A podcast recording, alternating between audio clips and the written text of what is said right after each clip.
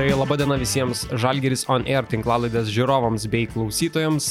Pradedame dar vieną laidą ir šiandien šalia manęs svečias tikrai garbingas. Žalgerio legenda, treneris Gintaras Krapikas. Tai treneri, ačiū labai, jog atvykote ir ką. Smagu matyti jūs čia šalia. Labą dieną ir e, malonu, kad visi sveiki ir jau galim truputį artimiau sėdėti. Ir e, iš kitos pusės dėkui už pakvietimą ir dėmesį. Kaip trenerė sprendėt, kad būtent reikia šitos marškinėlis apsivilkti šiandien keliaujant čia? Na, aš galvoju, ir pati spalva, ir pats užrasis yra visiškai teisingas. Aš ir tą spalvą jau nuo vaikystės labai mėgstu ir tuo labiau, kad esu tikras žalgyrėtis ir man atrodo, kad ir užrašas atitinka tą, kas yra manyje. Man daug irgi draugų sako, būtinai, jeigu gintarą kalbinsi, paprašyk, jog pradurtų pirštą ar ne ir patikrintų žalias kraujas. Daug kartų išgirsta šitą. Na, na, taip, to aš niekada neslėpiau ir tai, visiš, tai visiškai nesikeičia.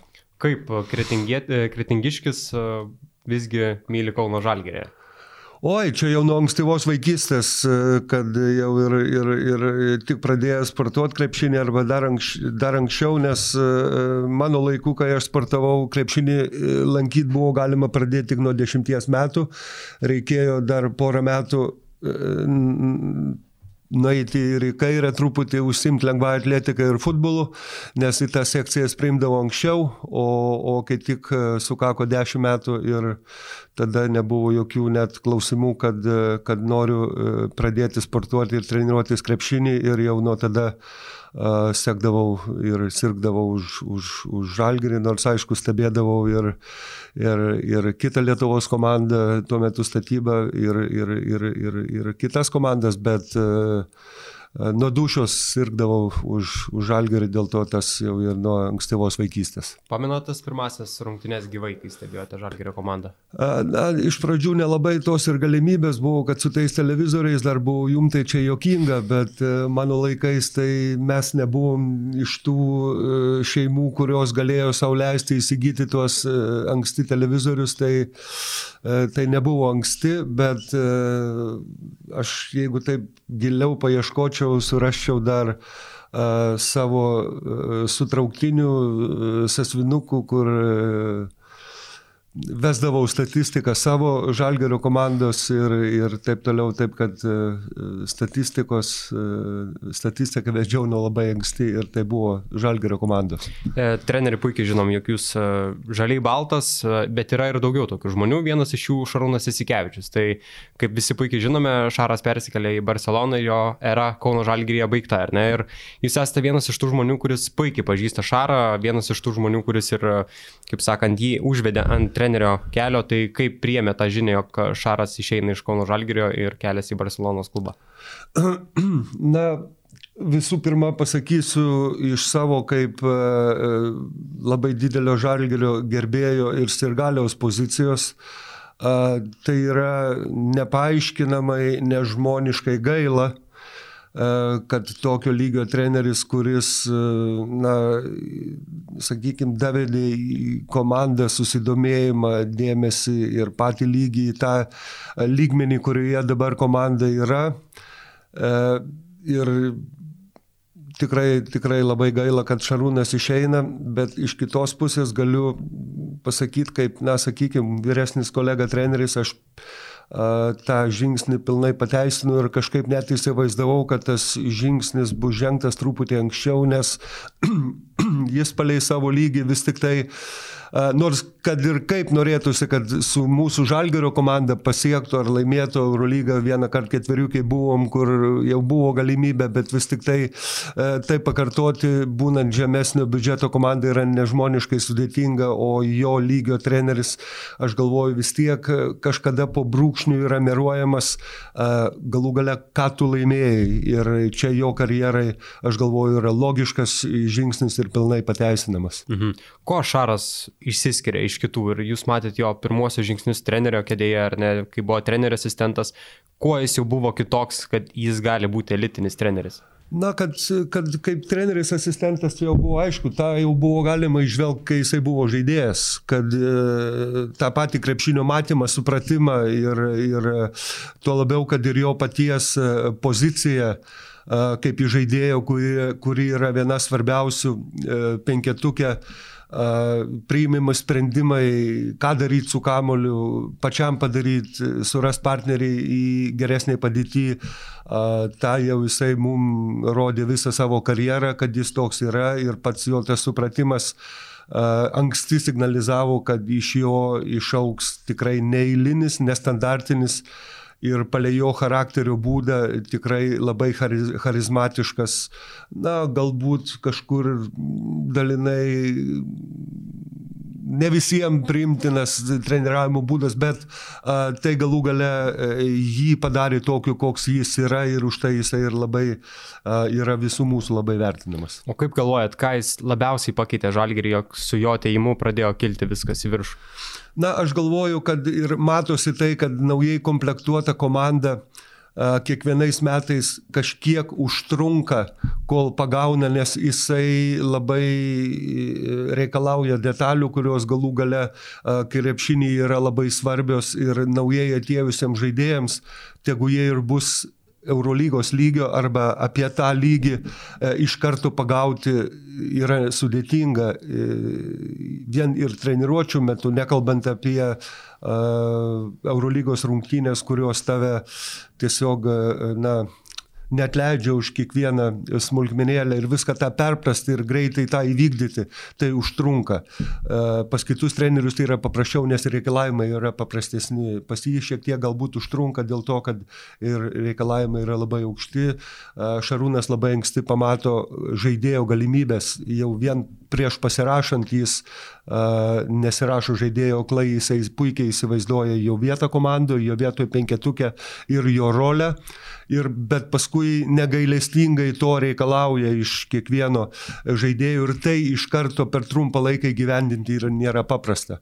Bet kaip galų gale paskui visi naujieji atėję tą sistemą pagauna, tuos reikalavimus pradeda vykdyti, rezultatai pradeda tiesiog aukti ant, kaip ant mėlių, ką matėm ir paskutiniais, ne vienus paskutinius metus, kai iš pradžių galbūt komanda stringa pradžioje sezono, bet paskui jinai tikrai žengia į priekį ir labai gaila, kad šiais metais tas prakeiktas virusas mums neleido uh, pamatyti, kaip toli būtų komanda nuėjusi šiais metais, kuri jau buvo pagavus tą Šarūno uh, sistemos, sakykime, kryptį, kurią jisai įsivaizdavo ir rezultatai, na, matėsi paskutiniai tikrai labai gerai. Kaip ir pats minėjote, daug žaidėjų, ar ne, kurie perpranta tą sistemą, vėliau kyla į aukštesnį lygį - Vasilija Micičius, Kevinas Pengusas, Brendanas Deivisas, o jūs pats kaip treneris iš trenerio asistento kažką išmokot?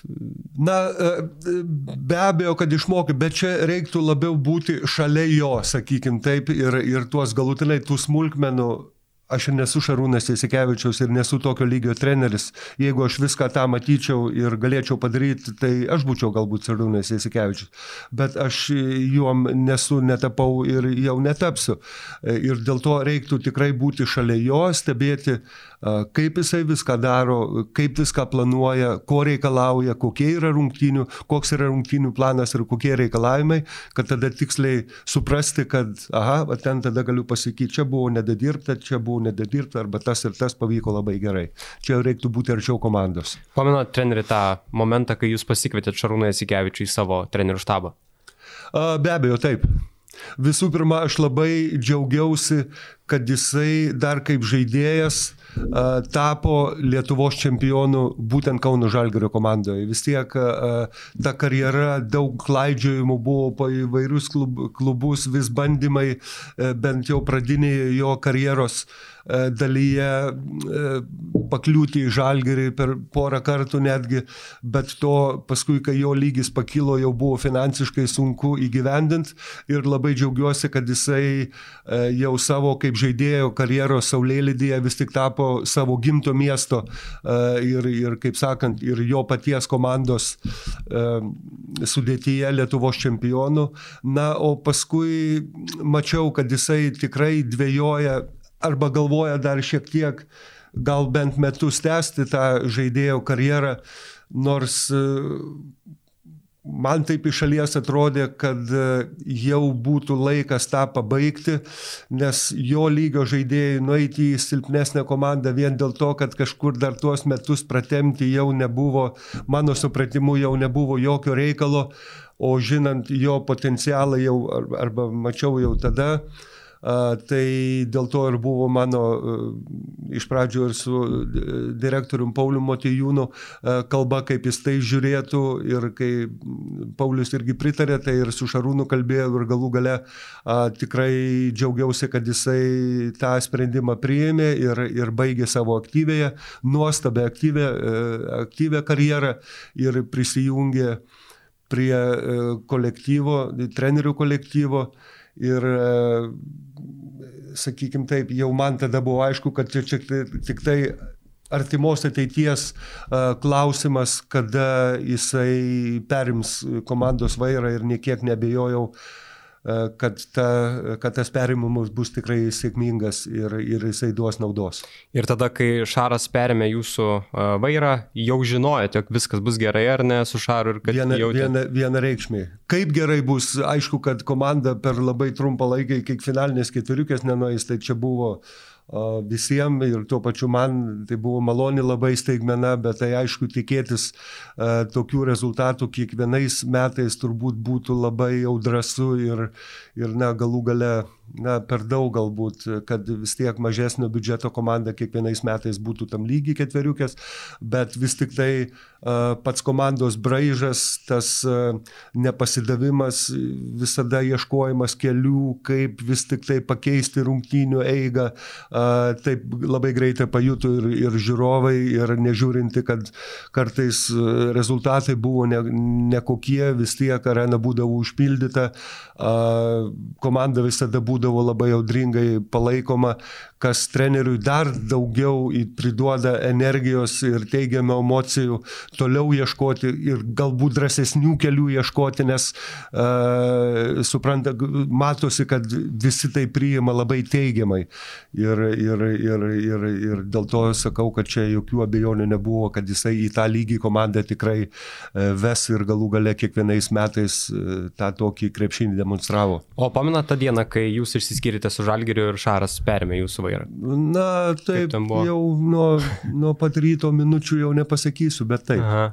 Kaip atrodė ta, ta diena ir... Na, aš galvoju, kad čia, kai tie rezultatai mūsų komandos tą 15-16 metų sezoną nebuvo uh, geri ir, ir, ir matosi, kad ir paskui ir, ir, ir žaidėjai jau laukia kažkokių tai permainų, tuo labiau žinodami, kad už mano nugaros tikrai yra žmogus, kuris, uh, kuris gali duoti naują impulsą. Ir čia ne, ne, ne tas vienkartinis, kur, kaip sako, na va, nauja šluota kitaip pašluoja ir e, būna toks vienetinis ar keletos rungtynių e, efektas, bet paskui vis tiek vėl tas žaidimas susiniveliuoja, prastesnį ir nieko didelio skirtumo nebūna. Bet čia aš galvoju, kad ir žaidėjai labai tikėjo, kad Šarūno ateimas e, ir žiūrovai taip pat, nes jie irgi norėjo mm, permainų, kurių ir reikėjo.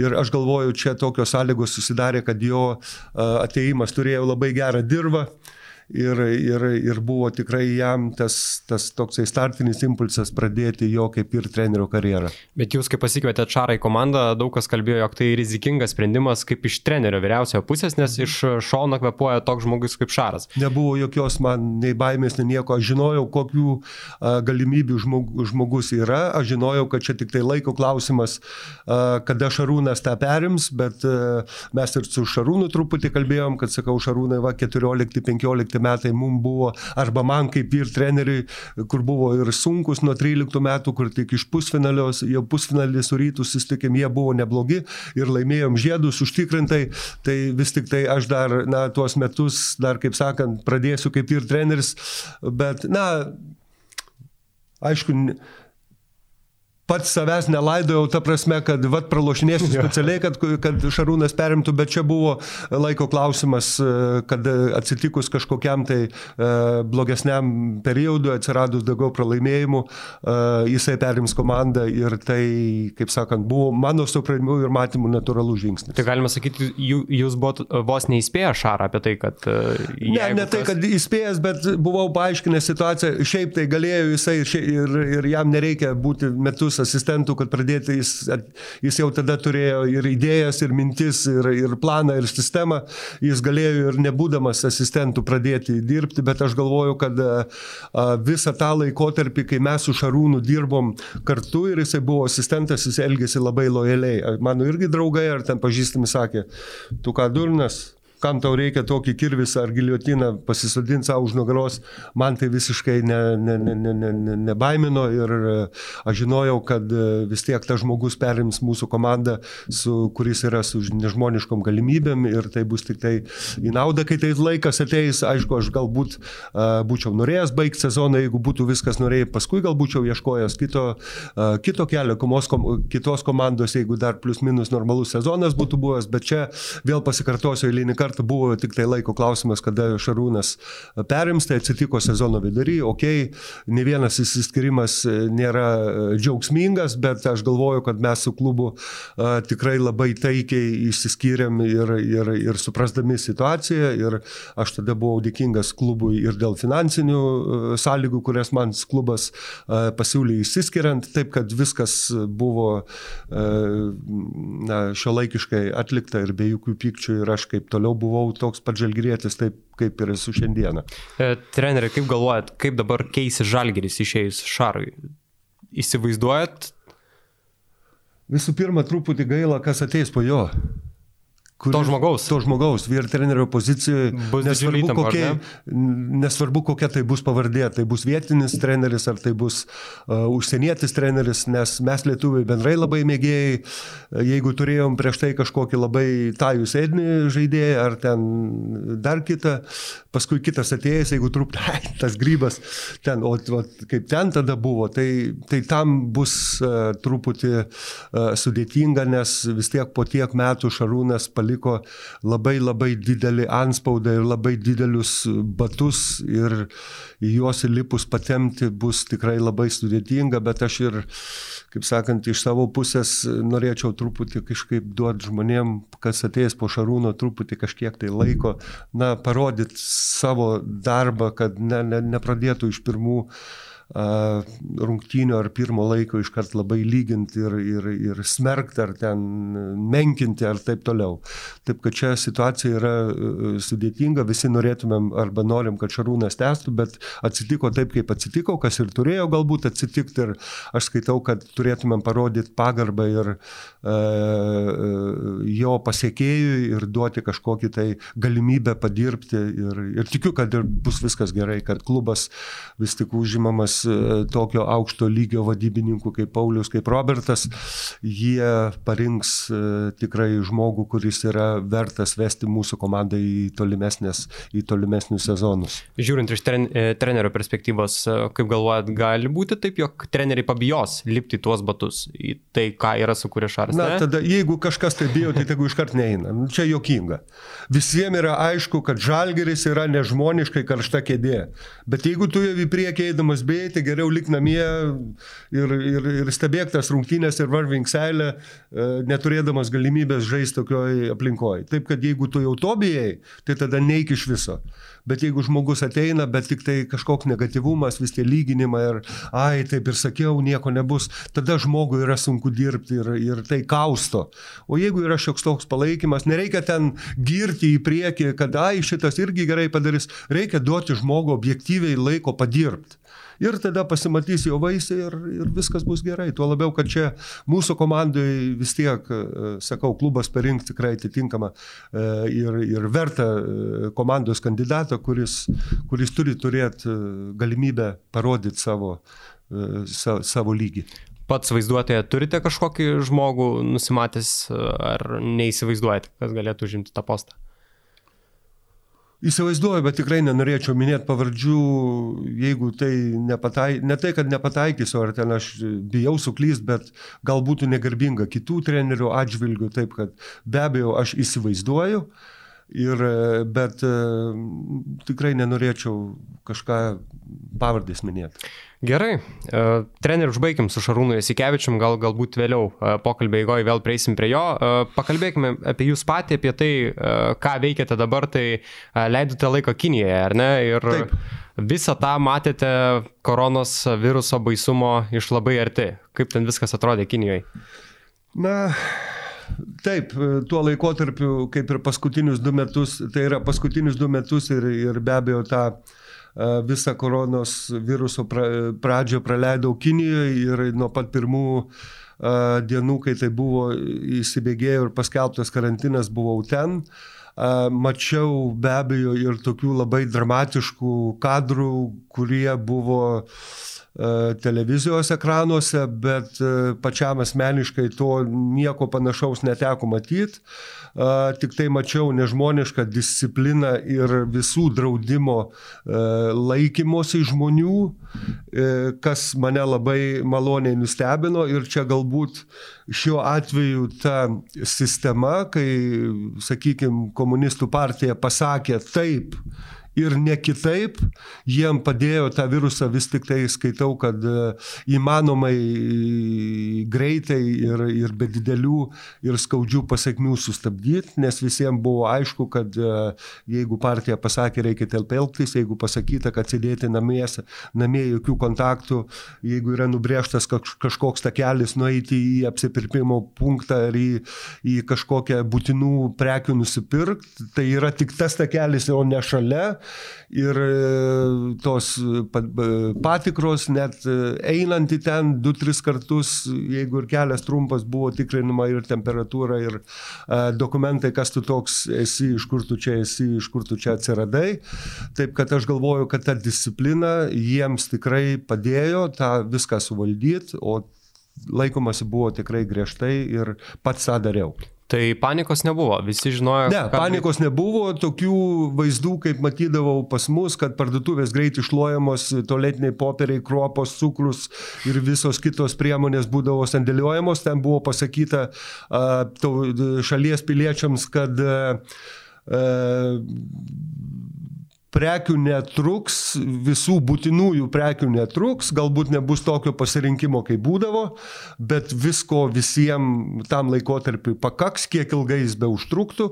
Ir aš galvoju, tai irgi padėjo, kad žmonės nepuolė, kaip minėjot, kad e, iš panikos pirkti viską dideliais kiekiais ir sandėliuoti namie, visi pirko, na, galbūt su kažkokia tai artima atsarga, kad ne, neslankioti dažnai po, po, po, po tas parduotuvėlės, o eiti, ko galima reikia rečiau, bet skaitau, kad vat, tas toks disciplinos laikymas tikrai labai padėjo. Kaip pats leidote laiką per karantiną? Nuobodokai, bet čia, na, čia jau yra situacija, kur į tai niekam, niekas nekreipia dėmesio ir aš tą puikiai suprantu, bet be abejo, kai uh, sėdi namie vienas be galimybės turėti kažkokį kontaktą su žmonėm, netgi su namo ar, ar mano apartamentų šeimininkais, tik e, per atstumą pasimaudodavom rankom ir, o jeigu susitikdavom sodelį ar, ar, ar darželį, tai su apsauginiam priemonėm ir tikrai per atstumą. Ir neteko beinant į parduotuvėlę matyti, ką kiniečiai labai mėgsta susitikę su vaikais, bendrauti ten, ta viskas tas buvo pasibaigę ir, ir, ir to buvo laikomasi griežtai ir galvoju buvo labai teisinga. Tai kada dabar treneriai grįžote į Lietuvą? Iš kiek laiko? Į Lietuvą aš grįžau pereitį savaitę, bet į Europą grįžau prieš gerą mėnesį ir, ir praleidau dar Vokietijoje vieną mėnesį, ir, ir, ir, o į Lietuvą prieš gerą savaitę. O Vokietijai šiaip ar? Šeima gyvena Vokietijoje, žmona ir, ir abu vaikai, ir ten praleidau laiką ir dabar grįžau. Per metus susikapa vis tiek netidėliotinių reikalų, kuriuos reikia atlikti ir dabar palengvėjau šiek tiek uh, tom sąlygom, uh, galvojau, kad kad jau laikas tuos visus reikalus ir atlikti. Pribaigti, ar ne? Taip. Pats minėjote viename interviu, jog labai emocingi ir fiziškai sunkus sezonai Kinijoje, ar ne, buvo ir užpraeitais metais kad vienas pats tas sunkiausia yra ar visiškai kita kultūra? Ne, ten vis tik tai susideda turbūt viskas, visai atvažiuoja į visai kitą pasaulį. Ir į, į kultūrinį pasaulį, ir, ir, ir bendravimo pasaulį, ir krepšinio pasaulį, viskas aplinkui buvo uh, nauja ir, ir, ir, ir sudėtinga uh, daugeliu aspektų. Ir vienas iš jų, kad uh, vertėjas kaip šešėlis arba kaip gerai dresiruotas šuniukas būna šalia ir juda kur tu, aš bėgu per aikštelę ir jis bėga, aš į kairę ir jis į kairę, vienu žodžiu, kad niekas nekalba angliškai ir, ir tai labai varžo vis tik būnant treneriu, reikia ir su žaidėjais kartais pakalbėti, galų galę ir su klubo e, vadovais. Paskui, jeigu sezono, kai nebuvo, kai buvo tokia juodesnė linija, sakykime taip, susėdus pakalbėti dėl ko, ne tai, kad pasiteisinimų paieškoti, bet, e, na, objektyvių priežasčių pabandyti paaiškinti, bet e, ten yra tokia kultūra, kad vertėjas tai yra paprastas žmogus, o prezidentas tai jiems yra kaip kažkas labai aukštai sėdintis ir galbūt prezidentas nenori, kad tas paprastas žmogelis kažkokių tai problemų išgirstų ar žinotų, kurias man turi išversti, tai jisai geriau nieko nepasakys, tai aš paskui matau, kad tas bendravimas, na, jis betikslis. Tu išeini kaip ir atėjai su tom pačiom problemėlėm. Ir, ir tas tikrai labai trukdė ir vis tik tai aš jau antrais metais, kai ir į, į, į komandos remimą labiau stipriau finansiškai prisijungė miesto savivaldybė ir jie pinigų sakykime, skirimo pateisinimų labai norėjo matyti vietinį trenerį, ka, kas galų galiai ir atsitiko ir aš buvau kaip a, trenerio štabo a, konsultantas, a, galvoju, kad yra tikrai teisinga, kad treneris yra vietinis, kur ir prezidentas, ir taip, ir žaidėjai ten gali su juo bendrauti kitaip.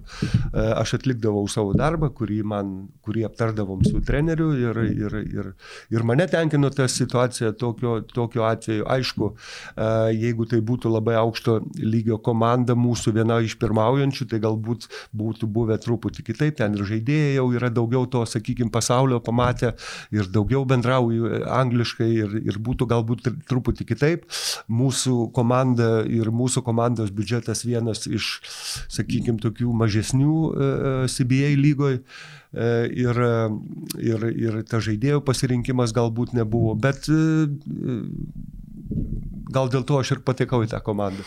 Ir, bet, kaip sakant, su savais sunkumais, bet e, tas antrų metų buvo irgi įdomus sezonas, bet, kaip sakant, jau ir metus buvau pabuvęs, tai šiek tiek pažįstai jau tą viską, žinai, kaip kur labiau reaguoti.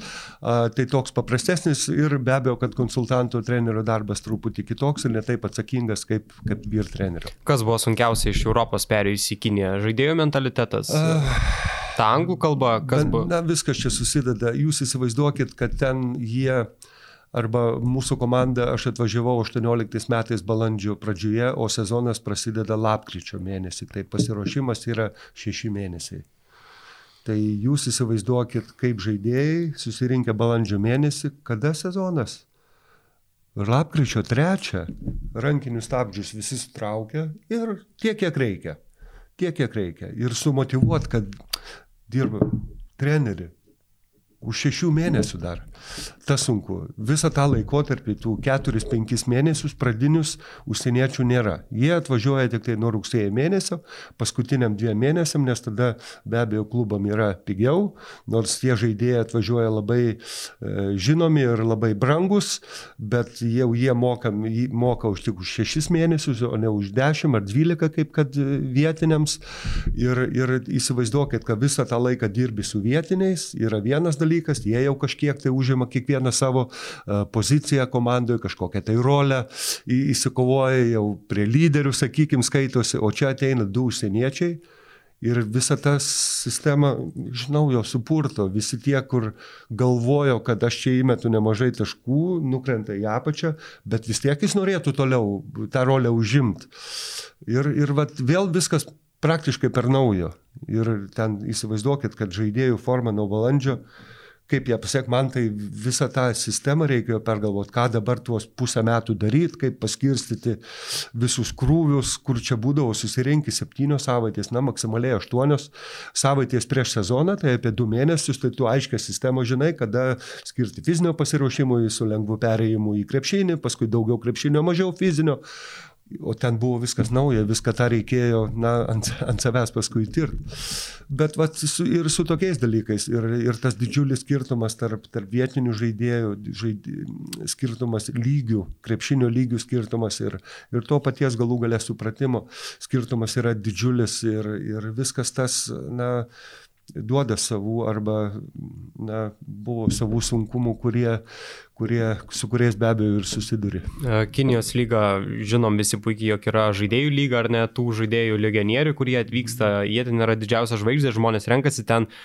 Kaip sunku buvo sutarti, galbūt su jais rasti bendrą kalbą, ar jaučiasi, jog jie yra žvaigždės ir nori būti numeris vienas, numeris Na, du? Na, pasakysiu bendrai, visa, visa Kinijos lyga yra labai paėmus kaip po pavyzdį ir kaip tą, sakykime, kelrodė žvaigždė NBA lyga, dėl to ir, ir kaip, kaip sako, žaidėjų lyga yra ir, ir sirgaliai lygiai taip pat, jeigu vieną dieną, kai tu žaidži su, na, sakykime, savo lygio komanda ar silpnesnė, netgi kaip mūsų, tai pilnai baleina už tave, bet jeigu atvažiuoja ten uh, Gondongas ar ten Leoning, komandos, kurios yra prie čempionų, uh, pilnos žvaigždžių, ne tik užsieniečių, bet ir vietinių rinktinės žaidėjų, tai jie visą salę valėjina už juos.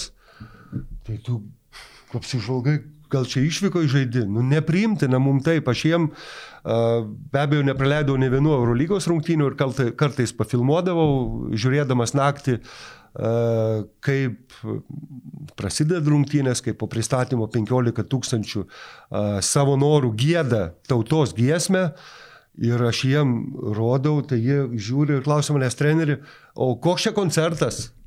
Sakau, kvailiai ne koncertas, čia, čia, čia žmonės ir galiai taip palaiko ir, ir gėda giesmę prieš rungtynę savo norų.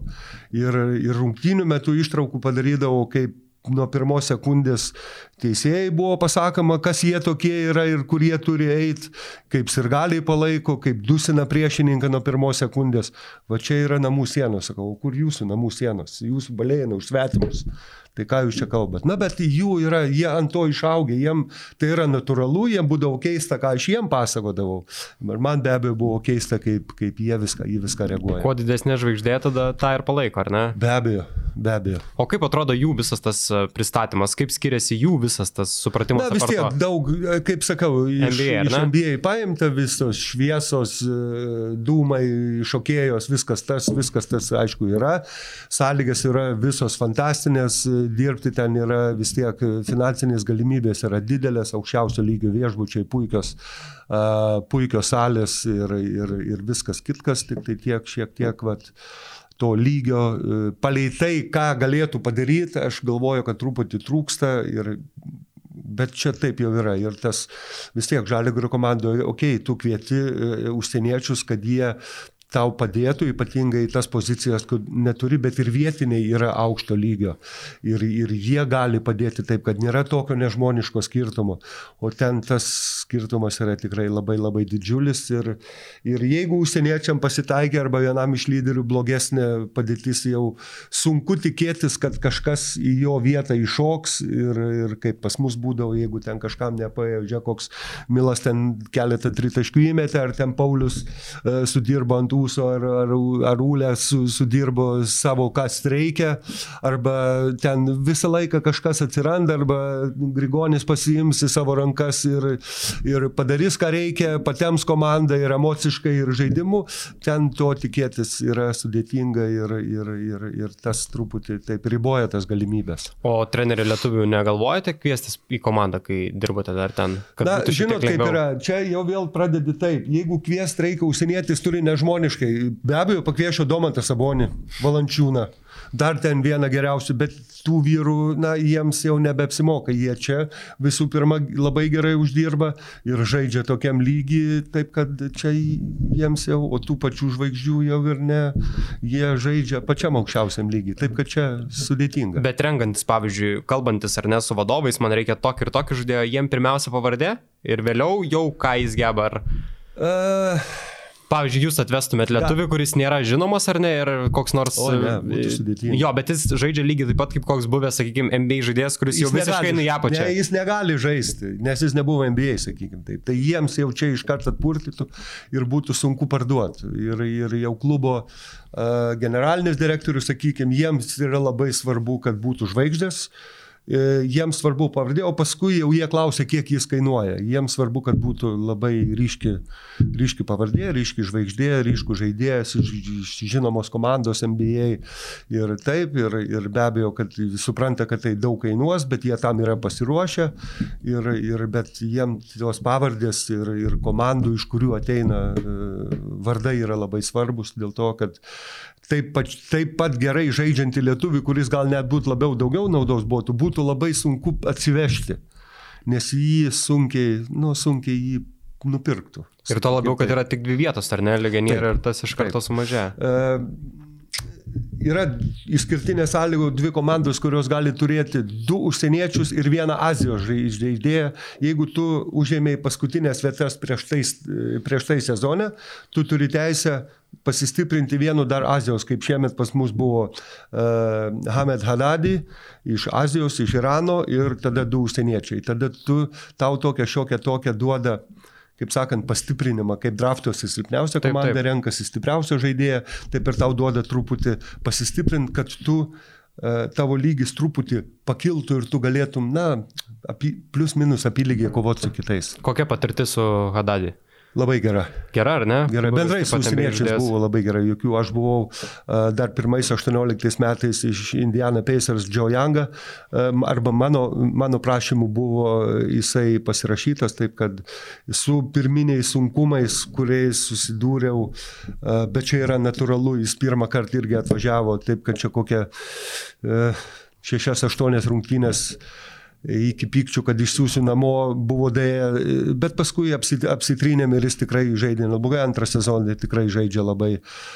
Bet jis, aišku, yra ryškus koreris ir, ir, ir taškų pelno, o dabar, kai pratęsi čempionatą paskutinėse dviejose rungtynėse, net savo, savo karjeros rekordus su 55 ir 60 taškų padarė taip, kad jis ten antrais metais dar labiau įsitrynė, pajuto savo rolę, jie labai greitai užsieniečiai labai greit prisitaiko ir pamato, ko iš jų reikalauja.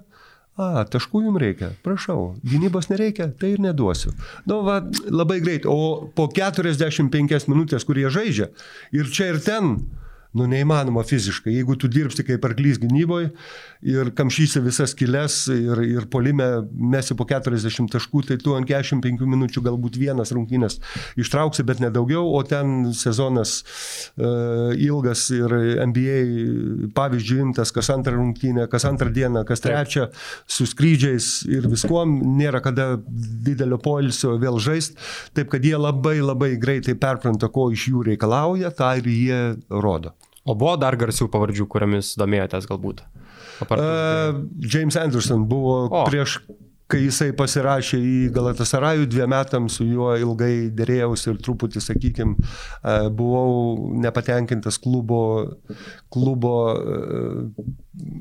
sakykime, taip, tokiu truputį nerištingumu, jeigu galima pasakyti, ir paskui žmogus uh, turėjo deadline, kada turėjo pasakyti gal tas rajų e, lemiamą žodį ir, ir nebegalėjo laukti toliau ir prasidėjo. Jį tikrai norėjau matyti, nes jisai ir čia žaidė labai puikiai, pažinojau jį kaip asmenybę, kaip, kaip lyderį, kaip žaidėją, kuris būtų ten labai tikęs žaisti su vietiniais, nes vietiniai labai labai jautrus ir labai ambicingi. Jeigu matys, kad jau žaidėjas atvažiavo ir tik mato tik tai kamolį ir krepšį, tai jie sakys, imk tą kamolį ir žaisk. Ir mes, mes taip tada ir neveiksim nieko. Bet uh, jeigu protingas atvažiuotų, kaip buvo James Anderson, kur labai tiko ir Europos krepšiniui, dėl ko jis labai greit prisitaikė, numetė kamuliuką laisvam kokiam vietiniui numestų, tas įmetė, jau jis pasijunta, kad irgi reikalingas, tada visi kartu ir jau rezultatas truputį kitoks. Ir pati, na, sakykime, atmosfera komandų visai kitokia, tada yra žymiai jinai sveikesnė. Mokantis sakykim, apjungti, ar ne? Mokantis apjungti. Be abejo, kad jisai pasidarytų ir savo rezultatą, nes vietiniai tai irgi ne, neakly, jie mato, kiek jisai gali. Bet jeigu ir jisai tą pasidalintų, tada jie ir tavęs ieškotų labiau. Taip kad tu tuo tokiu truputį kamoliu pasidalinimu su kitais gautum žymiai daugiau gražos ir tų kamolių, nes jie vietiniai supranta, kokio tu lygio esi. Bet dar normalus žmogus. Taip kad jo aš labai norėjau, bet, kaip sakant, noriai, noriai, noris. Bet kiek sunku, pavyzdžiui, legionieriams, tie, kurie atvyksta ar ne iš Amerikos, iš MBA lygos, treniruotis tokiais e, žaidėjais, kurie, nu tikrai visą galvą yra žemiau. Tekdavo, ar ne? Na taip, na visokių yra. Kitas e, tiesiog žydį, norėdamas save parodyti, koks aš čia geras ir jis treniruotėse tą visą laiką parodė. Kitas truputį gal, sakykim, taip nusivilia, kad čia sunku bus kažką laimėti, nes e, kiekvienas supranta, kad nu, vienas vis tiek tu nepatrauksi. Reikalinga ir tų vietinių e, žaidėjų, galų gal jų yra dešimt komandų, o, ir, o, o, o tų užsieniečių yra du. Ir dar tie du yra, ne visą laiką žai, gali žaisti kartu. Iš keturių kilinukų e, gali jie kartu žaisti tik du. O, mhm, o taip, taip. du kelinukus jie keičia vienas kitą. Reiškia, tu esi tikrai priklausomas nuo vietinių žaidėjų, nes jie užima labai daug minučių. Ir jeigu tu galvoji, kad tik tai vieni patrauks, tai bus sudėtinga. Taip kad būtina, kad tų vietinių pagalba. Ir jeigu pavyksta tą tokią atmosferą sukurti tarp užsieniečių ir vietinių, tai yra jau ne, ne, neblogas dalykas. O kiek Kinijoje buvo ryški žvaigždė Donatas Matejūnas? Didžiulė žvaigždė. Didžiulė, ar ne? Didžiulė žvaigždė. Be abejo, patys rezultatai kalba už tai tai jisai yra absoliutus profesionalas ir, ir, ir darbo etika ir, ir, ir viskas jo yra e, aukščiausio lygio, 213 žmogus galintis nusijėmęs kamolį e, from coast to coast prasivaryti, mesti, nuimti daug kamuolių, vienu žodžiu, jo žaidimo stilius yra grinai e, pasirašyti Kinijoje aukštus kontraktus dėl to, kad viskas, ką jisai daro, atsispindi statistikoje. Daug paimamų, paimamų kamolių, e, pelnomų taškų ir, ir, ir, ir kamolį gali labai gerai papasuoti. Ir tai viskas matosi labai statistikoje. Dėl to jisai ir tikrai niekada neturėjo problemų ir visada turėdavo sutartis su gerom komandom ir labai geras sutartis. Ir e, aš galvoju, kad tai,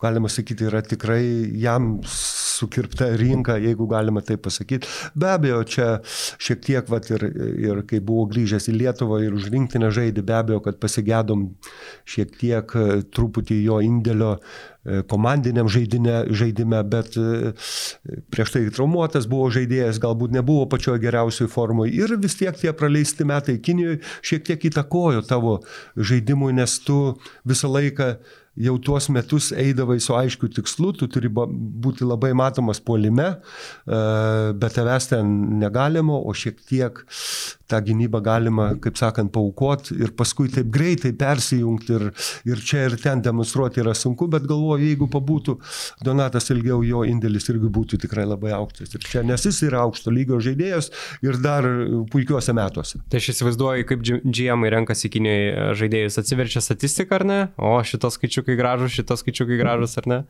Na, reikia pasakyti, kad ir vis tik mes nesirinkam žaidėjų, kur pasižiūrė, ai, bloga statistika ir tą imam. Taip, taip. Aišku, kad ne, bet truputį kitaip žiūrim. Visų pirma, žiūrim, kad mes e, ką turim piniginiai.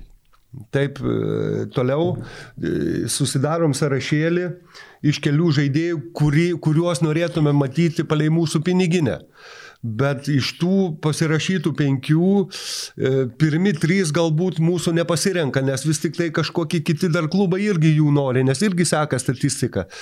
Taip kad e, ne visada iš tų ir palei piniginę norimų žaidėjų tu gali iš karto pirmą opciją paimti.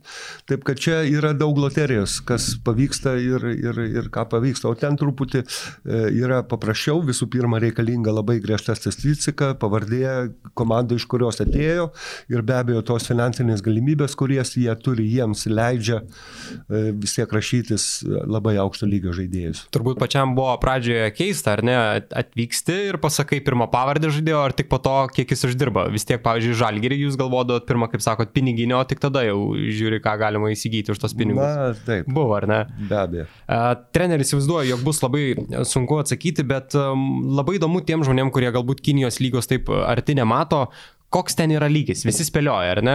Ar tai tie žaidėjai yra NKL lygio, tie vietiniai žaidėjai, ar tai yra ten, sakykime, Vokietijos lygio panašaus. Nu, visi spėlioja, koks tai yra lygis. Galėtumėt apibūdinti, Na, kad būtų paprasčiau europiečiams? Taip, labai, labai dabar suniveliuoti, kad va, šitie būtų NKL ar šitos komandos LKL lygio būtų sudėtinga.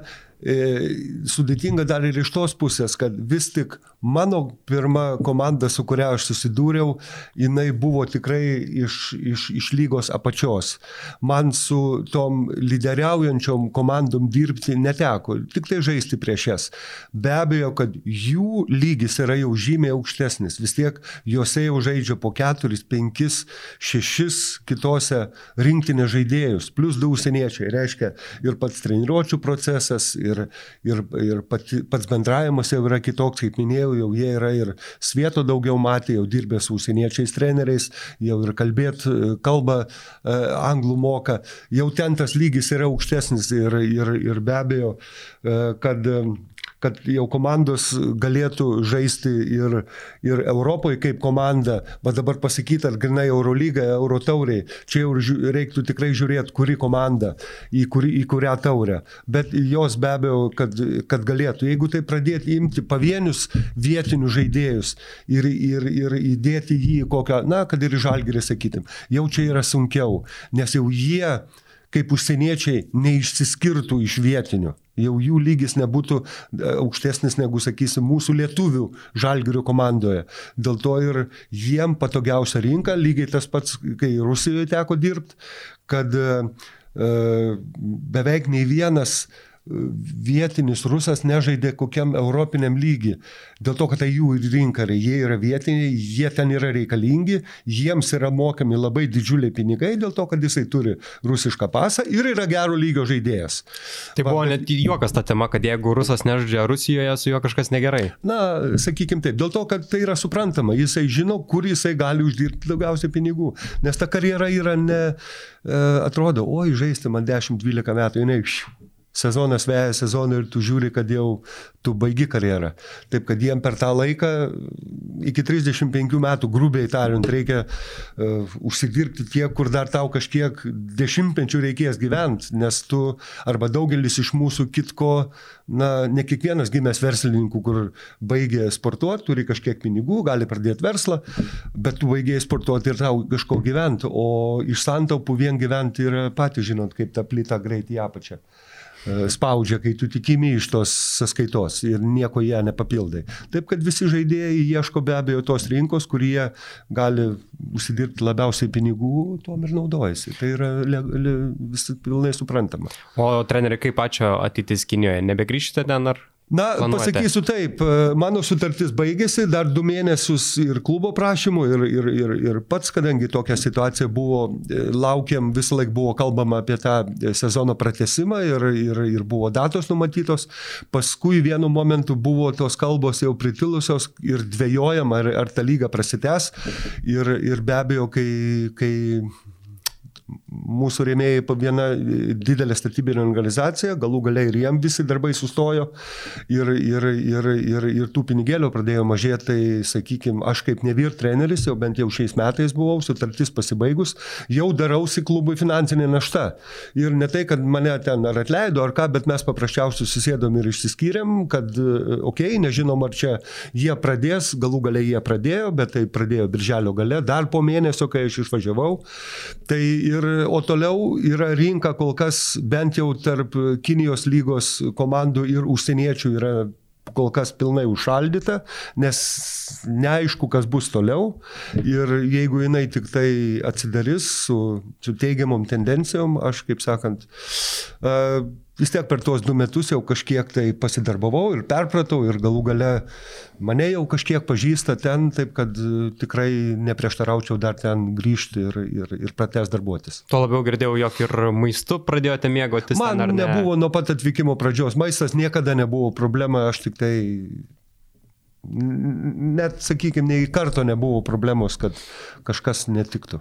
Ir sukūdote labai šiaip pasikeitė, pokyčiai yra. Jo, ir, ir truputį ir maisto sudėtis truputį kaip jie verda, aš skaitau, kad uh, pati kinų virtuvė arba tikra kinų virtuvė yra ne ta, kur mes čia nueinam į kinų restoraną, kur saldžiarūksis padažas ir viskas krakmolė. Kartu nežinai, ar čia žuvį valgy, ar mėsą, ar jautieną, ar, ar, ar vištieną. Ten jinai yra visai kitokia, nes aš buvau, kai atsivežęs e, po, pir, po pirmo sezono kiniečių komandą čia į stovyklą, Tai jie be abejo nubildėjo į kiniečių restoraną, tai jie sako, treneri, kitą kartą eisim kartu, nes mes šitų patiekalų nežinom.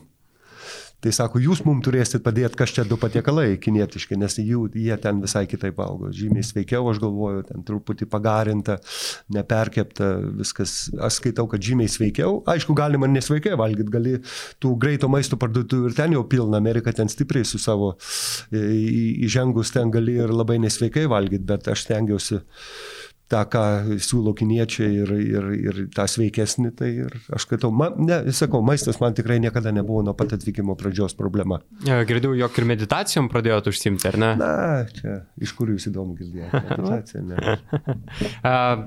Trenerė, dar vienas dalykas, jūs minėjote, jog yra daug įvairių dalykų, ar ne, Kinijoje, kurie buvo keisti, įdomus jums pačiam, maistas, galbūt kultūra kita. Kas kinam buvo keista, kai jūs atsivežėte čia į Lietuvą? Uh, na, vis tik tai buvo daug keistų irgi dalykų. Prasidėjo nuo to, kai iš atvažiavom į viešbutį ir visi, kaip sakant, apsiformino į savo jau e, kambarius. Tai vietoj to, kad eiti į kambarį, tai buvo birželio mėnuo, nuostabus oras, išbildėjo visi ir laukai žiūri. Aš galvojau, gal kokie balionai skraido, kaip tik to šventės turėjo būti. Ne, išeinu balionų, nėra nieko nėra. Jie į saulę žiūri, tokia grįna ir skaiščia. Ten vis tik tai tas tuo laiku 18 metais buvo tas smogas, nu nežmoniškai, ten tokią saulę pamatyti jiem buvo ne. Dabar, kai buvo pandemija ir, vis, ir pramonė buvo pridaryta, labai matėsi, kaip grinėja oras ir kaip jisai keičiasi į gerą pusę. O tada jie beveik visi iš jų prieš tai ne, nebuvo buvę užsienį nei karto, niekada nepalikę Kinijos. Ir jie neįsivaizdavo, jie galvoja, kad visą laiką ta saulė tokia pritemdyta. Tokia... Geras susmogo, o čia jie išėję visi žiūri į viršų ir stebėsi, kaip čia gražu. Na, o paskui visą tą, ką aš jiems buvau pasakojęs, sakykime, apie tą patį krepšinį, kad net į viešbutį atsikėlus ten žalgerio nuotraukos ar ten rinktinės nuotraukos, na, kaip tik ir aš dar ten buvau ir asistentas, ir kaip treneris, dar ir ten senų nuotraukų, dar ir kaip žaidėjas. Tai jūs sako, čia treneriai atvežė turbūt į savo viešbutį. Nu, sakau, ne. Sakau, pas mus daug kur taip yra. Ir ta, ta tokia, pradėjo jie suprast, kad lietuviui krepšinis yra labai svarbus.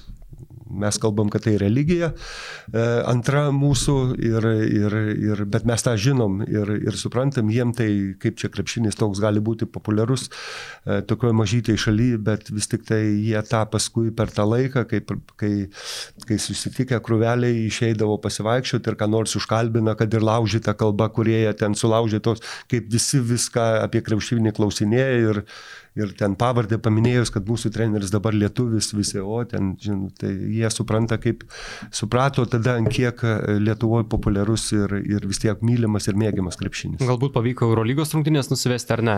Ne, tada jau nebuvo. Tada, ne? tada jau nebuvo. Tada A. buvo kaip tik tarp sezonis, net negalėjau nusivesti bent į treniruotę, nes buvo kaip tik birželio antra pusė, kur, kur viskas buvo pasibaigę ir visi buvo paleisti atostogų. Bent jau nuvežiau į areną, čia kaip tik vis tik, sakau, santykiai gerai išlikę ir čia su, su atstovų pagalba apvedė visą areną, apvedžiau aš ir be abejo treniruočių sąlygas, parodžiau, kaip yra paliekama treniruočių štanginės salė po treniruočio, kur atrodo, kad joje nieko nebuvo. Viskas sudėta į savo vietas, viskas surikiuota. Čia yra, sakau, darbo etika, nes na, jeigu tu dirbai, tai palikai taip, kaip tu nori rast. E, ko jie buvo labai įpratę. Dirbau, palikau, na, jau kažkas atėjo surinko, nes ten daug labai žmonių ir kiekvienas nori darbo turėti, tai tau nereikia rūpintis niekuom. O čia vis tik tai matosi, kad palei darbo etiką žaidėjai viską sudėjo, atrodo, čia niekas dar ir nedirbo. Bet turit mokyti ir tokių pamokų? Na, bent jau, bent jau priminti arba išvažiuojant, jie, pavyzdžiui, kai jie prie pietų stalo valgo, jūs neįsivaizduojat, kaip jų stalas atrodo. Jiems tai priimti, jie viską, ką valgo, kaulus, jeigu krevetės ne į lėkštutę šalia, bet viską taip ant stalo ir nueina atsikėlę. Tai sakau, gerbėmėjai, čia jūs to negadinkit savo vardu, vis tiek būsite apie mėnesį bent lėkštutę, kuri yra šalia padėta, ne šalia jos, o į ją. Tai kažkaip irgi nebuvo problemų. Reiškia, mokomi yra, jeigu, mm. jeigu yra pasakoma. O šiaip tai jiem tai priimta, nuo mažent jie tai valgo, atsisėdo viską ant, iš, iš lėkšties ant, ant, ant, ant staltėsis, ant stalo. Nesvarbu, bet tai tokia kultūra. Turbūt jiems buvo keista, kad jūs gražiai valgo, dedate. Na, taip. Ir paskui atvažiuojant čia aš tokį kaip lengvą instruktažą, bet ir su tom nebuvo problemų, tik tiek, kad į tokius dalykus irgi atkreipdėmėsi. E, kalbant apie tą Žalgirio areną, kaip ir pats minėjote, norėjote atvesti ir jiems parodyti galbūt e, tą treniruočio visą e, procesą. Dabar mes taip pat sėdime, sėdime Žalgirio arenoje, ar ne? Kada pats paskutinį kartą buvote Žalgirio arenoje, pamenat? Galbūt stebėjote rungtynės kaip žiūrovas? Tada, taip, tada dar kai prieš išvykstant į Kiniją, ten buvo turbūt 17 17 metų sezonas ir, ir, ir grįždavau ir, sakau, santykiai ir geri, ir, ir į Žalgirio ložę turėdavau galimybę įeiti ir, ir, ir stebėdavau daug rungtynių uh, gyvai, o šiaip dabar tuos du metus tai turiu abonementą ir nepraleidau žalgirių praktiškai nei vienų rungtynių, nesvarbu ar namie žaisto ar išvykoje, tik tiek, kad su skirtumu, kad tai būdavo 6 valandų skirtumas, 6 valandų tai būdavo namų žaidžiamos rungtynės 2 valandą nakties pas mus Kinijoje, o, o jeigu žalgirį žaisdavau išvykoje, tai jau 4 ryto, tai bet nepraleidau ne vienų. Visada keldavotės? Visada, ne vienų rungtynių nepraleidau. Oho. Ir dar pažiūrėdavau kitų, nes man, pavyzdžiui, asmeniškai patogiau, net kai rungtynės būdavo ketvirtą, tada iki keturių pamiegi, o paskui pažiūri žalgerio, dar kas nors dar vėliau žaisdavo, tada dar pažiūrėdavau, bet šiaip žalgerio ne vienų rungtynių nepraleidau. Tai ne, Visas... ne Eurolygos visai netitrūkęs. Nu, bent jau nuo, nuo žalgerio, sakykime, tai ne. visiškai, ne? ne. ne. O treneri pats pamenat pirmą kartą, kai apsivilkote žalgerio marškinėlius kaip žaidėjas ir vėliau kaip treneris jau su kostiumu? Pamenat tas, tas dienas ar nelabai? Jo. reikia atsukti laikrodį, ne? Jum, jum, jum reikia ne tik laikrodį atsukti, jūs tuo metu dar giliai buvot pas tevelį. Dar net nebuvo mąstyta apie tai. Jo. Dar net nebuvo mąstyta apie tai. 80 metų sezone e, Kauno haliai prieš Vilniaus statybą. Labai. Pradėjau sėkmingai gaudamas e, žiaurų bloką. Taip kad parodė iš karto, kas, ko čia galima laukti nuo Algymanto pavilonio, irgi labai žymaus krepšininko. Ir, ir čia kaip žaidėjas, tai man 19 metų buvo, o, o kaip treneris tai 13, kada 13-14. Ne, ne, prieš tai dar buvo. Prieš tai 8-9. Prieš tai 8-9. Tų jau tiksliai tų pirmų rungtynių ne, ne, neatsimenu. Paulius pasakojo, jog mm, turėjote ir Antano e, Sireikos pasiūlymą, ar ne, į rytą trenerių štabo narių. Na, taip, su neblogom sąlygom, tarp kitko. Ir tarp kitko atsisakėt. Kaip tai tarp kitko? Atsisakė. Atsisakiau, ne taip. tarp kitko. Čia Atsisakė. būtų, taip, atsisakiau. Ne, čia buvo labiau, sakoma taip, Antanas, e, kur tikrai buvo puikūs santykiai ir aš galvoju, kad e, eilę metų gerai kartu dirbom tiek Žalgirio klube, tiek, tiek ir rinktiniai. Jisai tą puikiai suprato, bet sako, iš pradžio, na, pabandysiu sudaryti neblogas sąlygas, gal jom suviliosiu, bet, sakiau, Antanai, su visa pagarba tau ir, ir klubui. Aš visą laiką gerbėjau, ar tai būtų Vilniaus statyba, ar buvo Lietuvos rytas, ar dabar rytas, aš tą klubą gerbiu, nes jie kovoja, stengiasi palai galimybės, kaip ten išeina, tai neišeina, bet tai ne, tai ne mano. Galiu pridėti, aišku, čia nėra jokio paslaptis, kad dvi savaitės prieš tai, kol Kauno Žalgerio atstovai mane 78 metais iš Kretingos pakvietė ir išsivežė į Kauno Žalgerį, buvo Vilniaus statybos atstovai. Bet jau tada aš būdamas 17 metų atsisakiau. Kad sakiau tada, okei, okay, jeigu Žalgeris nekvies, aš baigsiu vidurinę mokyklą, abitūrą Kretingoje, važiuosiu, stosiu į tuometinį kūno kultūros institutą ir bandysiu tuo keliu patekti žalgerį. Bet po dviejų savaičių atvyko žalgerio atstovai, pakvietė, o tada aš jau... Mama, kai mamos klausė su tėveliu, ar išleisit, iš mano veido suprato, nu, galvotumėm išleisti, bet matom, kad neišlaikysim. Ir nebuvo jokio klausimų ir aš jau nebaigęs, nebaigęs 11 klasės arba, sakykime, gruodžio mėnesį 78 metais tada atvažiavau į Kauno Žalgerį į Dublerio komandą, pradžioju du metus, o nuo 79, nuo 80 metų tada į pagrindinę. Įdėkta ir viskas, nepakeisi. Taip.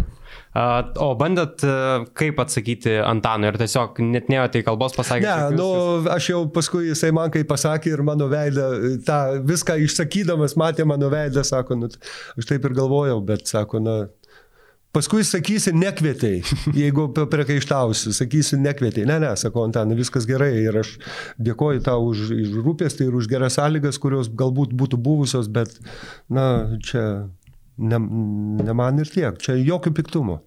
Kuris pats trenerių jums čempionų titulas įsimintiniausias iš to, kai vadovavo Čalgiriui? Kad žinokit, kai jeigu taip atskirai pradedi žiūrėti, jie visi nežmoniškai brangus ir svarbus ir sunkiai, kiti, vieni lengviau, kiti, bet gal sezono eigoje buvo sunkiau. Ir tie 13-14 metų, kur jau pats perėmiau sezono eigoje nuo pusfinalį, jau pusfinalį žaidėm su rytu, kur jau faktiškai, na, buvom pasmerkti ir, ir, ir, ir taip, nu, irgi labai svarbus, bet kad pasakyti kitais metais netoks svarbus irgi būtų neteisybė. Aš skaitau, kad visi šeši žiedai, kuriuos turiu, man yra nežmoniškai e, svarbus ir aš visais jais labai didžiuojuosi. Daug kas labai išskiria iš žaidėjų tą pusfinalį su rytu, kaip vieną įsimintiniausių, tą Zabijano Daudelo metimą. Esat kažkur minėjęs, jog jau tada matėt, jog neįkris tas paskutinis metimas. Pamenat tą? Amerikiečių. Jo, nepaslaptis, kad aš mėgstu vaikščioti palei, gal, jo, palei galinę liniją ir kaip tik buvau vienam kampe, jisai metė iš, iš tos pusės ir kažkaip, bet ėjo žiauriai tiesus. Ir, mm, bet jau kažkaip matėsi, kad galbūt jie gelės pritruko metimų ir buvo šiek tiek trumpas. Bet kad labai ramus, tai jūs įsivaizduokit, jau Pamenu, kelnių stovį, jeigu žiūrėjom. būtų jisai įmetęs. Tai va, tai, na, jo, čia galėjo būti visokių jėgų, bet turbūt jau tada buvo, tada jau buvo turbūt skirta ir paties Dievo, kad uh, kad, kad tas metimas nebūtų tikslus. Nes mūsų laidoje buvo ir Martinas Pocius ir irgi pasakoja apie tą momentą ir sako, jau aš buvau pasiruošęs e, Justinai Dedmonui e, tiradą, nes jis turėjo gintis prieš Zabijaną Daundelą, bet sako, matėm, jog nebebus tą metimą. Jo, tai ten tikrai buvo, na, vien dėl to, kad tikrai pirmą kartą tas toks kad istorijoje LKL tada jau žalgiriui reikėjo susitikti pusfinalį ir be abejo, kad neturėdami namų pranašumo ir Ir, ir vis tik ir tada ryto komanda, arba Lietuvos ryto tametinė komanda buvo e, tikrai, tikrai nebloga, arba gal sakyčiau, tuo metu šiek tiek, palei, palei, jeigu taip labai skaičiuotumėm, stipresnė. Ir tai be abejo, kad žiedas labai labai e, e, brangus, ir, bet sakau, tikrai neišskiriant nei vieno iš jų. Taip, Jeflokas irgi sako, važiuojame tas rungtynes ir negalim pralaimėti, mintise negalim pralaimėti, negalim pralaimėti. Buvo ta mintis. Su, su tokia mintimi reikia važiuoti, nebijot, kad oi, važiuojam, lemiam. Taip, jos lemiamos, bet jeigu tu įleisi tą mintelę ir bus rungtynių metu sunku, kad, nu ką, išvykoje žaidėm, jie šiek tiek stipresni, galima ir pralaimėti, tai ir pralaimėsi. Bet kai tokia mintim važiuoji, negalim, reikia, varykim. Tai, tai tas ir galų galiai ir, ir, ir, ir tas iš pačio viršaus paskui galbūt to lemių metimų uh, mum padėjo, jiem nepadėjo. A, nėra dabar šiek tiek liūdna, galbūt keista nebematyti tos tokios aršios kovos tarp žalgerio ryto? Uh, be abejo, norėtųsi, kad e, būtų kova, vis, vis tiek norėtųsi, kad visada žalgeris laimėtų gale, bet tos tokios kietesnės kovos, tos serijos galbūt šiek tiek taip. Kartais jinai, aišku, prieš tą finalo seriją būdavo labai e, nešvari, ten ypatingai prasidėdavo straipsniai vienų ant kitų, ten ištraukdavo istorijų visokių. Tas buvo negražu, bet tokios sportinės kovos, tokios labiau tikrai e, norėtųsi, nors aš sakau, kad smagu, kad visada vis tiek ant galo žalgeris laimi. Treneri dabar Kauno žalgerio komanda įsigijo ir Tomą Dimšą, ar ne? Teko jums pačiam prisiliesti? Taip. Taip. Uh, kaip jūs vertinat Tomo perimo grįžimą į žalgerį? Labai džiaugiuosi, kad Tomas iš tų, kuris buvo mūsų sistemoje, pradėjo joje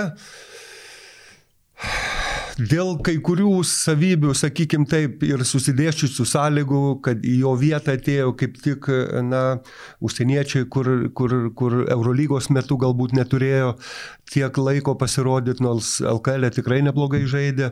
Ir paskui traumos e, sutrukdė pasirodyti, sutartis baigėsi, vis tiek agentai šiais laikais pratęsiant sutartį tuoj nori geresnių sąlygų, nors aš buvau, kaip sakant, minėjęs, kad Tomai gal likim prie tų pačių sąlygų ir kitiem metam dar e, komandų, žiūrėkim, jeigu tau tikrai gerai einasi, gal vadovai supras ir pakompensuos šiek tiek tą praradimą tavo ant pinigėlių, bet daugiau daugiau klubui neišeina. Ir, okei, okay, jis pasirinko kelią eiti uh, kitur, ieškoti galimybių žaisti. Ir Frankfurte buvo, kur irgi aplankiau jų rungtynių, nes visai netoli uh, šeima uh, jų, jų žaidžiamos salės gyvenam. Uh, tai teko aplankyti ir, ir pabendrauti. Ir čia yra vienas iš pavyzdžių, kur jeigu žmogus turi kažkokį tai tikslą, ne kiekvienas pačiu tiesiausiu keliu nueina, kitam tenka truputį uh, pakeisti, paimti siauresnį keliuką, apeiti, bet vis tiek galų galiai išeini į tą pagrindinį kelią. Ir galvoju, kad palei pereitus metus žaidimą, stabilumą, kokybę jisai pilnai nusipelnė galų gale pats, subrendo jau subrendo jau vis tiek 25 metai, 26, man atrodo, 94 Tomas gimimo, jeigu neklystu, kaip ir Lukas.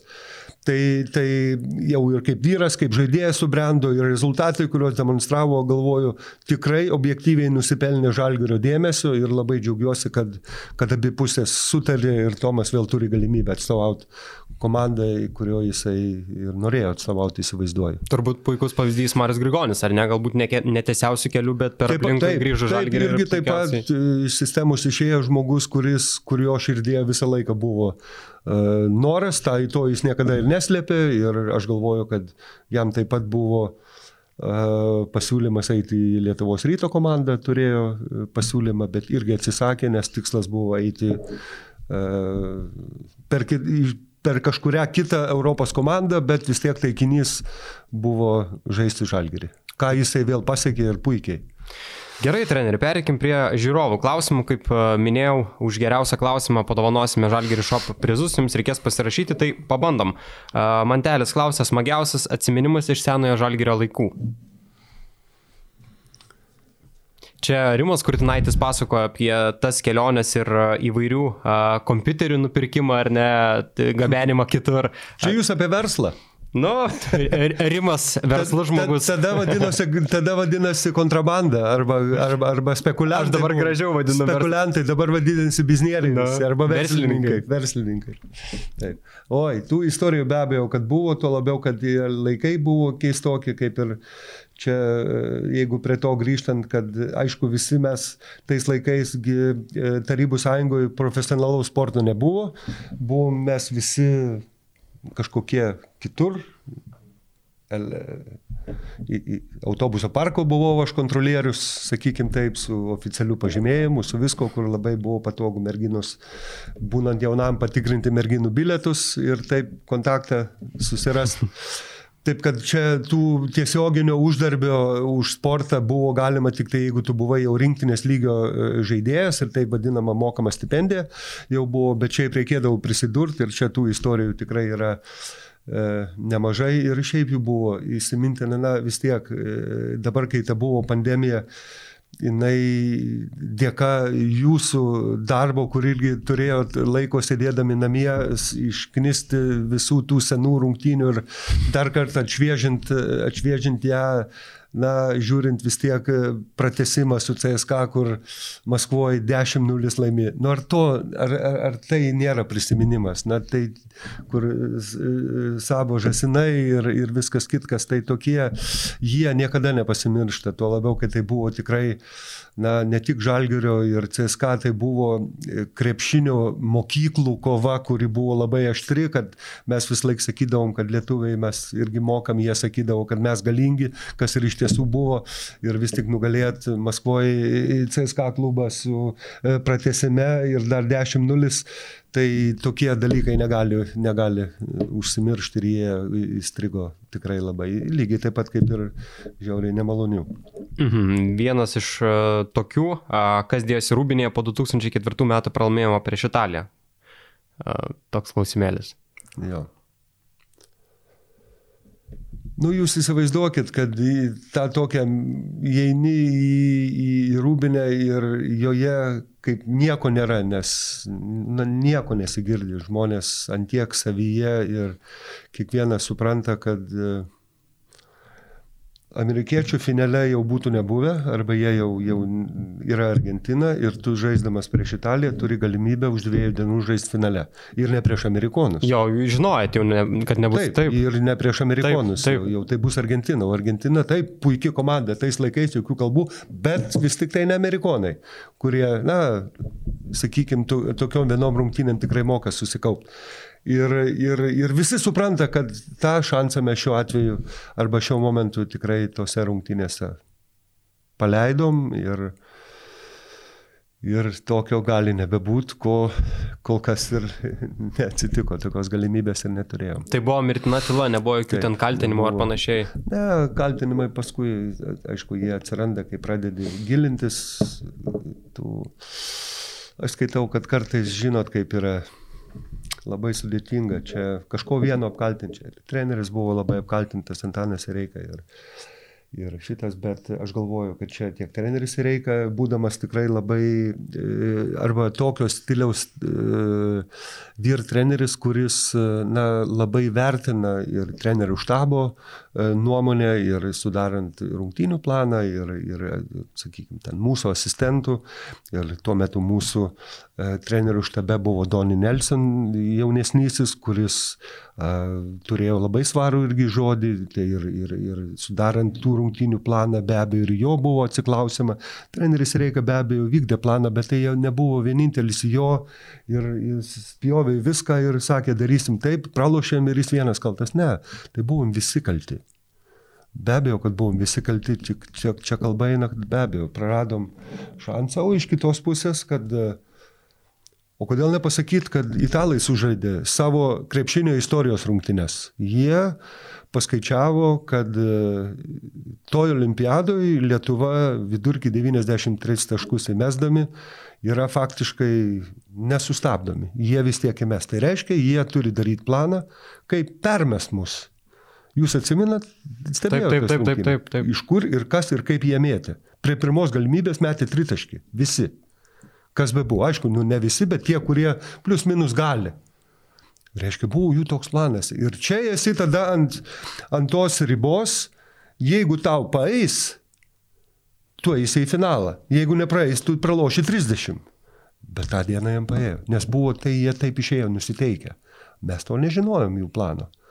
Ir kad jie taip švaistys, nes be abejo pasiskaitai, kad ten ką galima šiek tiek padengti, ką galima šiek tiek palikti laisvesnį, O, o jie visi pataikė, nes su tokia mintimėjo. Ir, ir, ir sakau, čia kažką vieną apkaltinti būtų labai, per labai paprasta. O su kokia mintim jūs ėjot kaip komanda? Na, okay, mes ėjom vis tiek, mes žinom, kad mes uh, tikrai tą olimpinę žaidynės gerai žaidėm, mums gerai sekasi, ėjom gintis, palei statistiką arba palei taip, kaip mes ruošiamės rungtynėm. Nebuvo išskirtinio plano, skaičiavom, kas gali įmesti, tą reikia labiau dengti, ko negalime mes, galime labiau atsitraukti ir, ir, ir, ir, ir tokiu planu. Bet tose rungtynėse ir tie, kurie galbūt prieš tai nelabai įmesdavo, tose rungtynėse įmetė. Arba įmetė nežmoniškais procentais kur ten Bazilė ir kiek ten gyvenime daugiau. Taip, taip. Kaip įmetė septyni, kiek jis ten tritaškų. Galanda išautų mėtė ir, ir Poceko iš priekio, kur ten neprametė gal ne vieno, 3-3 ar kiek jis ten. Nu, prieš tai nebuvo jau geriausias metikas. Taip kad čia supuolė tos visos sąlygos, mums ne, nepalankiausios, o jų planas tuo atveju suveikė mus apmest ir ir privedė prie to, kad tai mūsų vienas skaudžiausių pralaimėjimų. Domce klausė, vėl sugrįšime į Kiniją, kur, e, kurioziškiausias įvykis nutikęs Kinijoje. Labiausiai. Kuriozas buvo koks nors? Tiek buvo, kad trenerių neatsimenat, ne, kurį išsirinkti. Ne, čia toks kuriozas, bet čia toksai labiau keisas. Kai atėjom į, į, į salę, jau buvo žiem, žiema ir, ir, ir reikia ruoštis. Ten faktiškai turi vieną treniruotę, kadangi rungtynės kaip palei MBA tvarkališti labai seka vieną kitą, atsklendi turi vieną treniruotę ir kitą dieną žaidži. Ir dar kaip tyčia padėtas, dar nuotrauką turiu pasidaręs termometras ir 6 laipsniai saliai.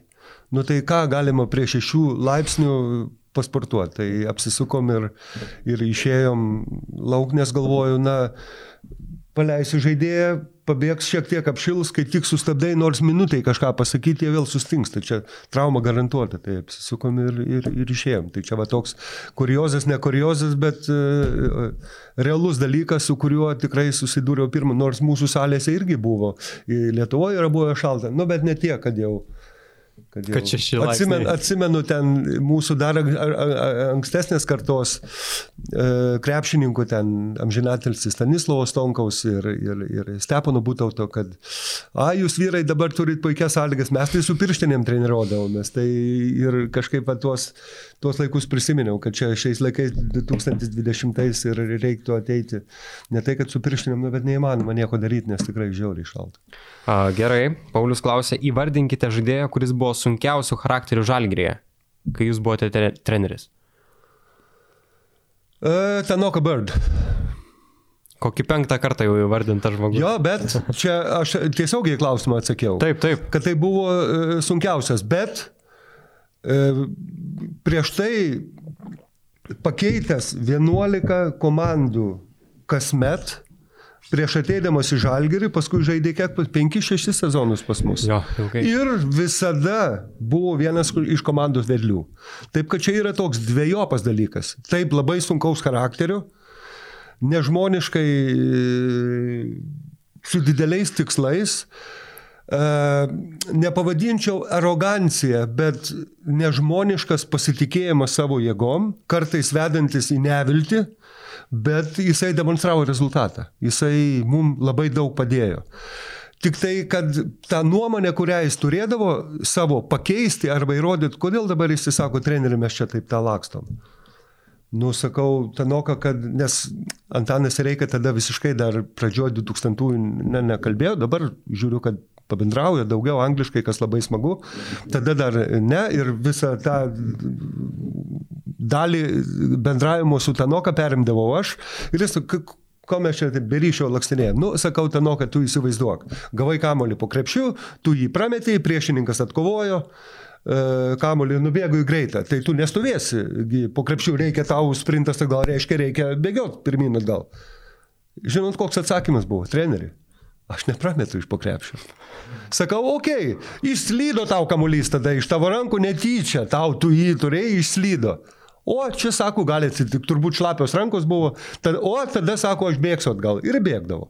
Bet va taip reikdavo kažkur tai įrodyti jam, kodėl mes kažką darom tokiais dalykais. Bet jisai davė nežmoniškai daug naudos. Jums ir... reikėjo tokį žaidimą įjungti šiek tiek. Jo, jo, tai sakau, aš su tavim prabendravęs, aš su nieko niekada nesu tiek bendravęs, kiek su tavim.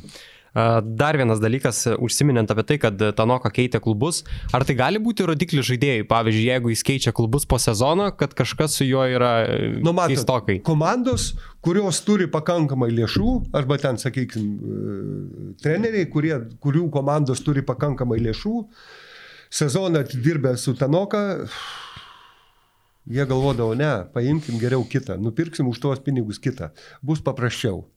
Ir jie galėjo sauliaisti tai daryti ir nupirkdavo kitą žaidėją. O mes, kadangi neturėjom labai daug pinigų ir jį pasikvietėm, kadangi jis buvo aukšto lygio žaidėjas, mums reikia kažkokį rasti kompromisą su juo. Nes čia susipykti yra lengviausia. Jis kažką pasakė, tu jam pasakėjai, jisai nedarė, jį nubaudė, jisai įsižeidė ir išvyko. Ir išsiskyrė. Bet mes, mums tai nenaudinga, mums reikia kažkaip jį na, sudomint, rasti argumentų, kad jis čia būtų, už tuos pinigėlius, ką gali mokėti. O jam jis, aišku, suinteresuotas, tai yra aukščiausias lygis, Eurolyga, kuris ir nori žaisti, jis turėjo didžiulę rolę komandai, jis daug žaidė, jam viskas tenkino, na, o jeigu jis toks yra, visi mes skirtingi. Visi mes kitokie. Vienas lengvesnis, kitas sunkesnis. Bet jeigu, kaip sakant, galima rasti kompromisą su žmogum, jeigu jis būna sunkokas. Bet jeigu jis vis tiek leidžia, leidžiasi kažkaip įtikinamas, tai užtrukdavo ilgiau, bet vis tiek jis darydavo. O kaip jiems sekėsi su Arvidu Saboniu, kai žalgirė užbaigė karjerą? Čia irgi buvo klausimas, tuo metu, kai žaidė su Arvidu tą sezoną, jis porą kartų šiaip važiavo namo jau. Ateina, sako treneri. Uh, situacija yra tokia, neturiu jokių priekaištų niekam, Matai. bet aš važiuoju namo, nes aš čia neturiu ką veikti. Arvidas stovi po krepšiu, susirenka visus kamolius, man nieko nelieka, po krepšiu polime viską gauna, viską padaro, kaip man pasidaryti kažkokią statistiką. Nu, nėra šansų. Aš važiuoju, sako, į kitą komandą. Geruoju, nepykdamas su nieku. Važiuoju į kitą komandą. Tada ir su Arvidu susėdė, nu, sabai, reikia kažkaip tą. Tai sako Sabas, gerai, Tanoka, tu ketvirtų numerių dabar, eik, žaid, aš būsiu po krepšiu.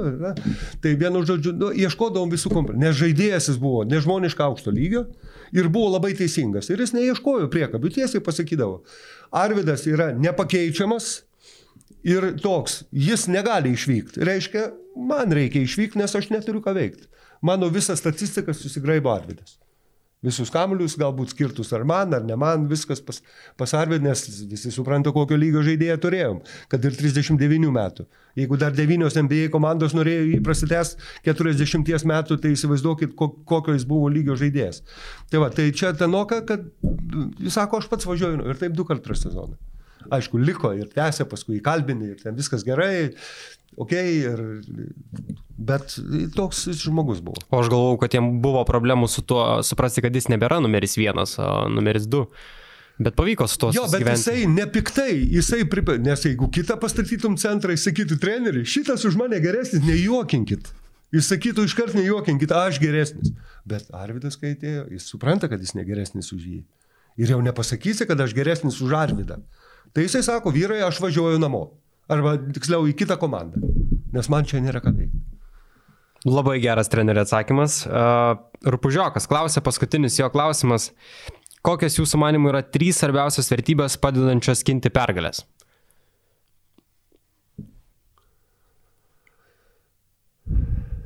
Ok. Vis tik tai pradėsiu nuo komplektacijos kaip pavyksta, ne tai, kad tu pririnkai atskirų žaidėjų gerų ir galvoji, o dabar duosim. Bet kaip tu tuo žaidėjus pasirašydamas sugebėjai su, su, su, suderinti vieną komandą ir paskui ją padaryti kaip vienetą, kad jie ne, nekirstusi vienas su kitu, o papildytų vienas kitą ir darytų stipresniais. Komplektacija. E, paskui pasakyčiau, kad kad sėkmingai tai yra vis tiek, va, dabar paimsiu Šarūno pavyzdį. Labai stiprus treneris, labai stiprus. Nes tokių vidutinių, kaip aš ten, ar vieną, ar kitą pastatysi, didelio skirtumo nebus. Bet jeigu turi tokį žmogų, tai čia yra labai svarbu. Jeigu pavyko kažkiek apsikomplektuoti ir turi tokio lygio trenerį, tada jau aš dar vis tik pasakyčiau, kaip pavyksta išvengti traumų. Tai trečia tokia dalyka, kad vis tik žaidėjų sveikata, įsivaizduokit kažkokį tai periodą, kai yra lemiamos fazė, atkrintamosios ir tau pakš, pakš, du, trys žaidėjai svarbus iškrito ir tu būk koks nori protingas, tu žais kokį nori sezoną, o bet 12, 11 žaidėjas vis tiek tau nepakeis antro, trečio ar tuo labiau pirmo. Taip kad čia aš galvoju, dar tam irgi reikalinga labai sėkmė. Atsimenu, Žalgeris, kai neprarado nei vieno žaidėjo vieną sezoną, kaip puikiai žaidėm, kaip viskas dėstėsi gerai, kitos komandos parodo, sėdi dar, atrodo, visas startinis penkitas ir visi apsirengę civiliai. O mes visi, visi sveiki. O buvo sezonas, mato, vienas iškrito, nespėjo vienas ateit, kitas iškrito. Tas atėjo, trečias iškrito. O tada blogai, tada gali turėti, kaip sakant, ir idėjų gerų, ir visko, bet nebėra tų vykdytojų, kas tą viską padarys. Taip, kad visi komplektai komplektacija, galingas treneris su savo idėjom ir viskuo ir paskui tos sveikatos sėkmės, kad nebūtų traumuotų žaidėjų. Nu ir viskas, atsakėme visus klausimus. Prašom. Dabar trenerių šinkit labiausiai patiko. Apie Tanoką Berną. Man irgi tas, nes atsakymas buvo žiauri geras, tai Paulius sveikinam jį, trenerių pasirašykit ant kamoliuko. Prašau. Uh, prizus įsteigė Žalgiri Shop, Paulius susisieks mumis ir jo, jo, jo, ir laimi jis prizą, o aš primenu, jog visas mūsų laidas galite rasti Žalgiris YouTube kanale ir visose audio įrašų platformose populiariausiose. Taip pat sekite mus ir Instagram bei Facebook, Žalgiris On Air vadinamės mes ten. Ir ką, treneri, ačiū Jums labai už pokalbį, buvo smagu, tikiuosi ir Jums buvo smagu. Ačiū Jums už tikrai apie mylimą komandą visada pasiruošę kalbėti be perstojo. Tai treneri, ger geros Jums dienos ir ką, iki. Dėkui, Jums taip pat. Viso.